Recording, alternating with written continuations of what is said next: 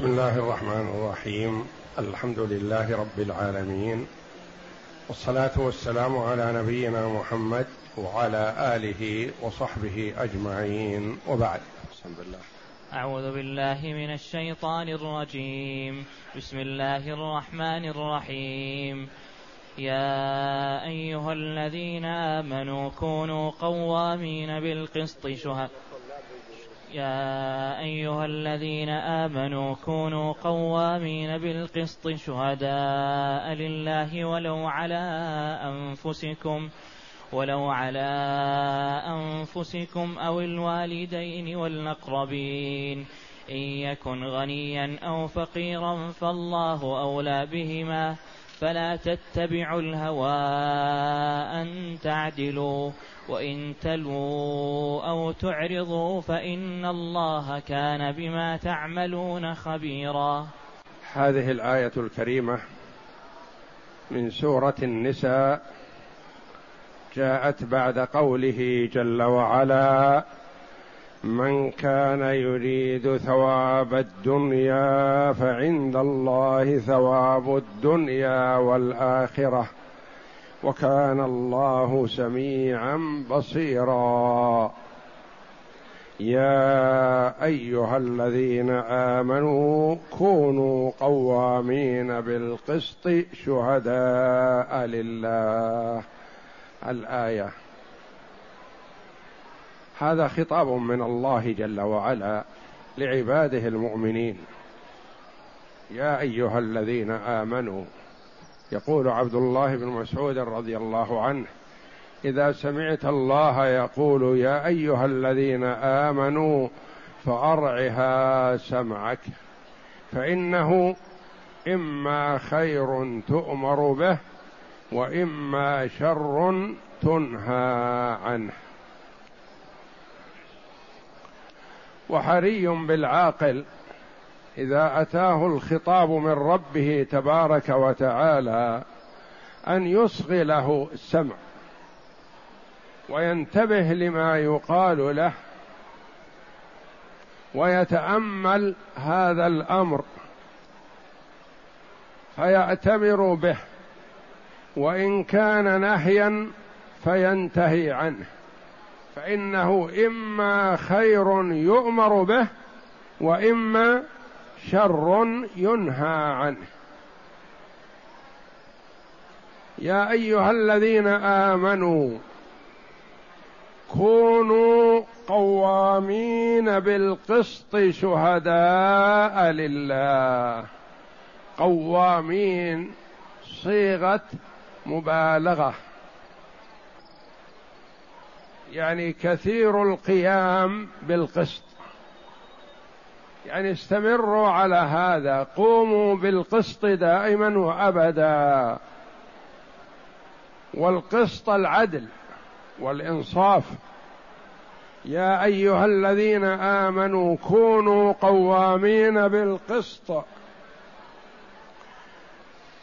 شهداء لله. يعني تكون الشهادة لله تبارك وتعالى لوجه الله تبارك وتعالى لا لنفع هذا أو لضر هذا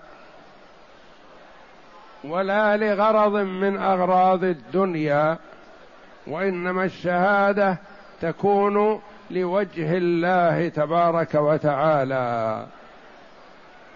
بالقسط شهداء لله. وحذر جل وعلا من الميل والجنف في الشهادة وكتم الحق وإظهار الباطل وحذر من أن يفعل الإنسان ذلك من أجل نفسه أو أجل والديه أو من أجل قرابته. فقال تعالى ولو على أنفسكم ولو أن الشهادة ستجر عليك ضررا. فالله جل وعلا يعوضك وينجيك. اشهد بالحق ولو على نفسك.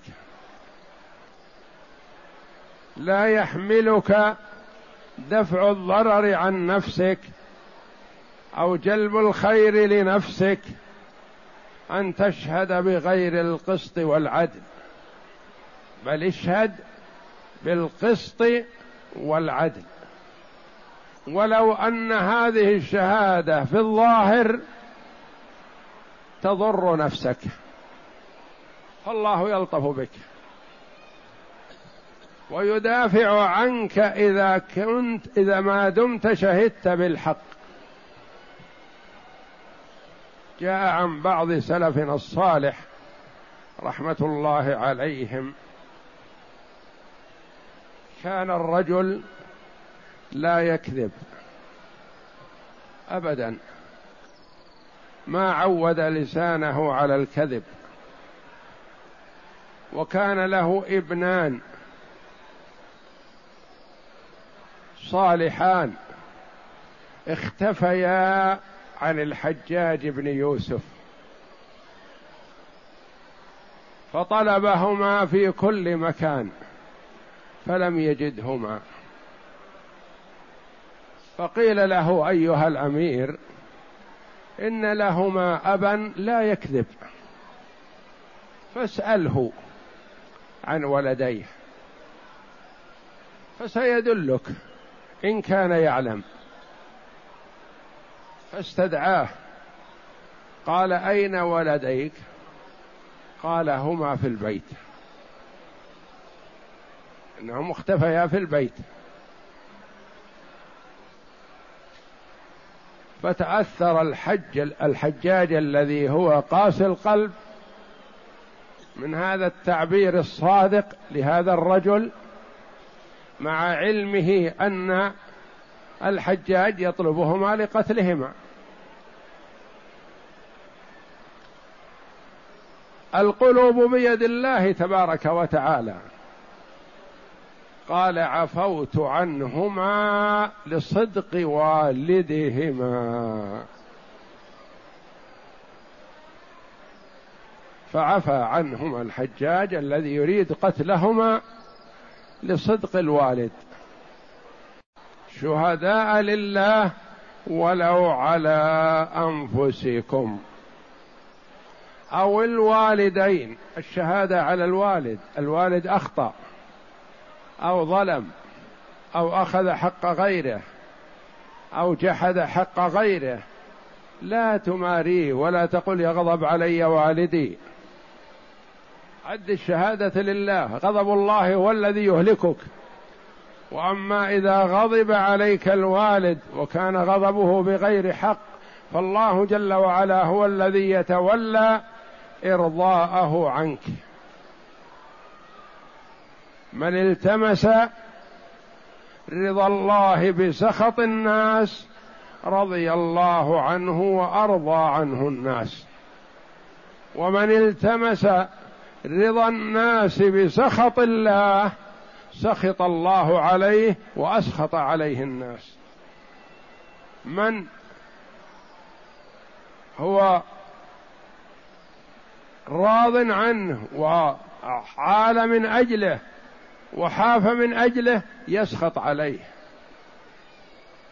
يقول ظلم غيري من أجلي يوشك أن يظلمني من أجل غيري. فلا يثق به. ولو على أنفسكم أو الوالدين لا يحملك المحبة للوالدين على أن تكتم الشهادة التي عليهما لأنها تقبل شهادة الولد على والديه وشهادة الوالد على ولده. ولا تقبل شهادة الولد لوالديه. ولا شهادة الوالدين للولد. ما تقبل الشهادة له لكن تقبل عليه. إذا شهد على والده أو شهد الوالد على ابنه تقبل الشهادة. لأن المحذور والمتوقع هو خلاف هذا. فإذا شهد الوالد على ولده فهذا دليل على أنه صادق. أو الوالدين والأقربين عموما. أقرب الأقربين هما الوالدان. فخصهما ثم عمم القرابة من أخ وأخت وابن وبنت وأقارب وأعمام وأسرة وأصهار وغيرهم لا تحملك محبة القرابة على أن تجور وتظلم في شهادتك. أو الوالدين والأقربين إن يكن غنيا أو فقيرا فالله أولى بهما. قد يحمل المرء الشهادة. يجحف بالشهادة من أجل هذا الغني لأنه يأمل مما عنده شيء. أو يخاف سطوته. وقد يجحف في الشهاده من أجل أن هذا فقير. فهو رحمه. وخاف عليه من ما لا يطيقه فأجنف في شهادته على الفقير. رفقا ورحمة بالفقير فلا لا هذا ولا هذا. لا تحملك محبة القرابة ولا الرفق بالفقير ولا الخوف من الغني أن تجحف في الشهادة بل أدها كما ظهر لك وكما بان لك بدون أن تضر نفسك ولا تضر غيرك وأظهر الحق كما ظهر لك. إن يكن غنيا إن يكن المشهود عليه أو الخصم غنيا خبر كان. أو فقيرا فالله أولى بهما. هو الولي لعباده جل وعلا وهو أرفق بعباده من كل أحد من الوالد بولده ومن الولد بوالده. فأد الشهادة التي عندك والله جل وعلا يتولى ذلك. قد تكون الشهادة هذه التي شهدتها على أبيك تحمل الخصم إلى أن يتنازل عن الحق ولا يطالب أباك بشيء مكافأة لك بصدقك. وقد حصل من هذا النوع كثير. والحمد لله يحكم الولد على والده. فيتنازل الخصم عن الحكم هذا مكافأة وتشجيعا للقاضي الذي حكم على والده. فالله أولى بهما فلا تتبعوا الهوى لأن الهوى يعمي ويصم والهوى يهلك والهوى يجعل المرء يرى الحق باطلا ويرى الباطل حقا ثم تجده يعدل الموضوع لنفسه. ويعلل. هذا من باب الرفق هذا من باب العطف والحنان على الفقير. هذا نفع للفقير هذا كذا هذا كذا. الوالد له حق وله البر فلما أشهد عليه ونحو ذلك. فلا تتبعوا الهوى أن تعدلوا وإنما عليك بالعدل بالشهادة أو الحكم أدها كما أمرت وكما ظهر لك. ثم توعد جل وعلا من خرج عن الصراط المستقيم. فقال وإن تلووا أو تعرضوا. اللي غير الإعراض.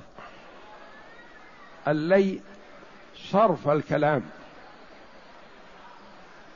أو تعديله في جانب هذا أو تحسين الشهادة بحيث تكون موردة صالحة للاستشهاد بها. تعديل الكلام وتمييله من أجل مصلحة الغير. أو تعرض الإعراض هو كتم الشهادة والإعراض عنها والإعراض عن الحكم بالحق. وإن تلووا أو تعرضوا فإن الله كان بما تعملون خبيرا. إن حصل منكم شيء من ذلك فلا تنسوا أن الله جل وعلا مطلع على أعمالكم خبير. لا تخفى عليه خافية. ولو أنك عدلت في الشهادة أو عدلت في الحكم إن كنت حاكما من أجل كذا أو كذا فالله يعلم ما في قلبك وما في نيتك وما حصل من التعديل. وإن تلووا أو تعرضوا فإن الله كان بما تعملون خبيرا. يعلم جل وعلا خائنة الأعين وما تخفي الصدور. لا تخفى عليه خافية. وفي هذا وعيد شديد لمن كتم الشهادة أو حكم بغير الحق أو أخذ حق زيد لعمرو أو ظلم في حكمه. فإن الله جل وعلا مطلع عليه ولو رضي عنه الخصم ولو قبل الحكم الخصم. فالله مطلع على ما في الضمير وما في النية فيواخذ بذلك جل وعلا. ففيه وعيد شديد وتحذير للعاقل من أن يكتم الشهادة أو أن يشهد بغير الحق. يأمر تعالى عباده المؤمنين أن يكونوا قوامين بالقسط أي بالعدل فلا يعدل عنه يمينا ولا شمالا. ولا تأخذهم في الله لومه لائم ولا يصرفهم عنه صارف وإن يكونوا, وأن يكونوا متعاونين متساعدين متعاضدين فيه. وقوله تعالى شهداء لله. أي كما قال تعالى وأقيموا الشهادة لله. أي أدوها ابتغاء وجه الله. فحينئذ تكون صحيحة عادلة حقا خالية من التحريف والتبديل والكتمان. ولهذا قال تعالى ولو على أنفسكم أي اشهد شهادة الحق ولو عاد ضررها عليك. وإذا سئلت عن الأمر فقل الحق في فقل الحق فيه ولو عادت مضرته عليك. فإن الله سيجعل لمن أطاعه فرجا ومخرجا من كل من كل أمر يضيق عليه. وقوله تعالى أو الوالدين والأقربين أي وإن كانت الشهادة على والديك وقرابتك فلا تراعيهم فيها بل اشهد شهادة الحق وإن عاد ضرر ضررها عليهم فإن الحق حاكم على كل أحد.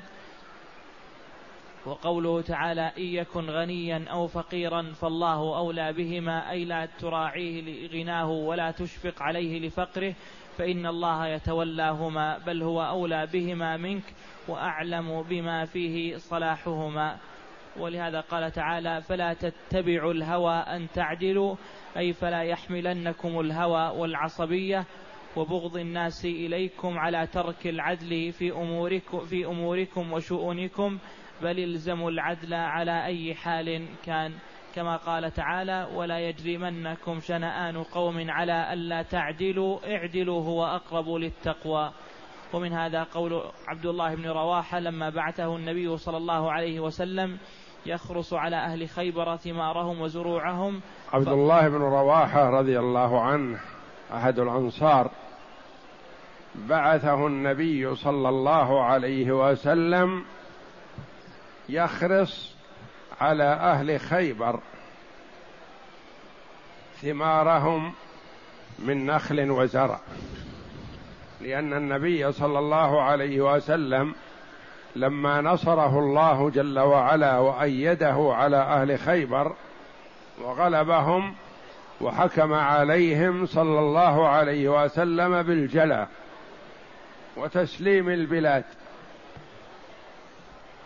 عرضوا على النبي صلى الله عليه وسلم قالوا هذه بلادنا ونخلنا وزرعنا ونحن أعرف بها. فإن رأيت أن نبقى عمالا فيها لكم على الشطر. فلكون النبي صلى الله عليه وسلم ومن معه من المهاجرين لا خبرة لهم عميقة في الزراعة لأن مكة شرفها الله ليست بلاد زراعية.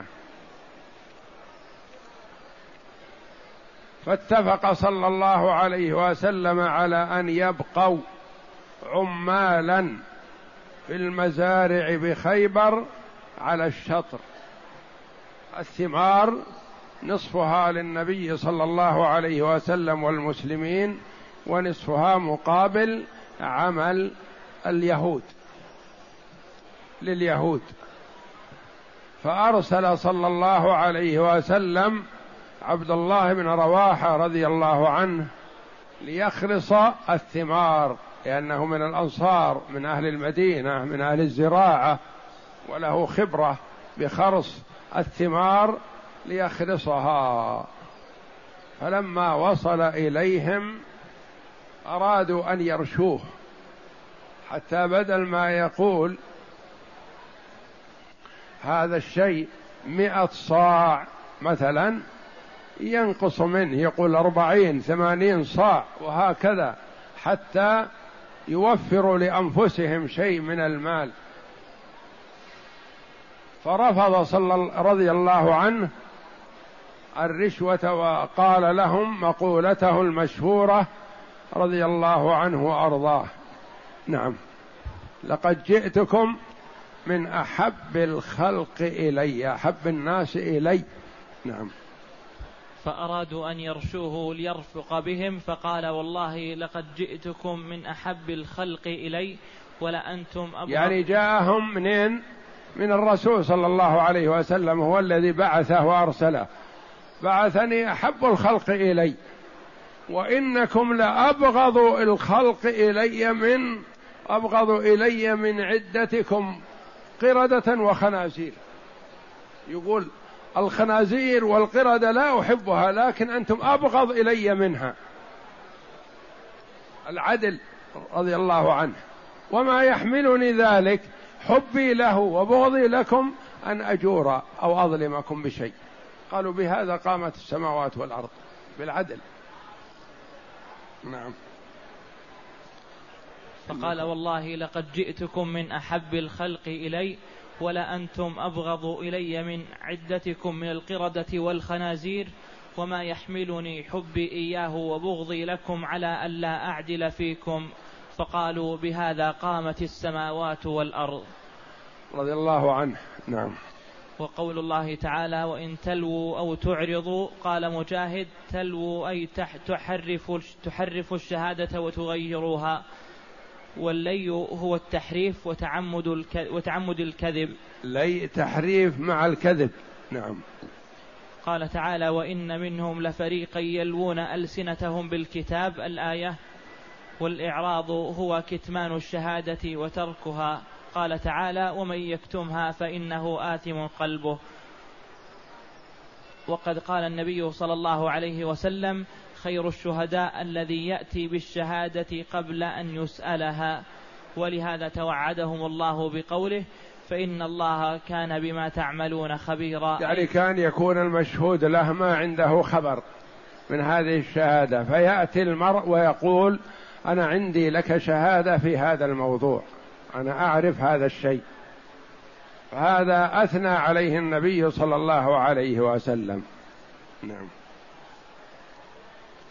ولهذا توعدهم الله تعالى بقوله فإن الله كان بما تعملون خبيرا أي وسيجازيكم بذلك. والله أعلم. وصلى الله وسلم وبارك على عبده ورسول نبينا محمد وعلى آله وصحبه أجمعين.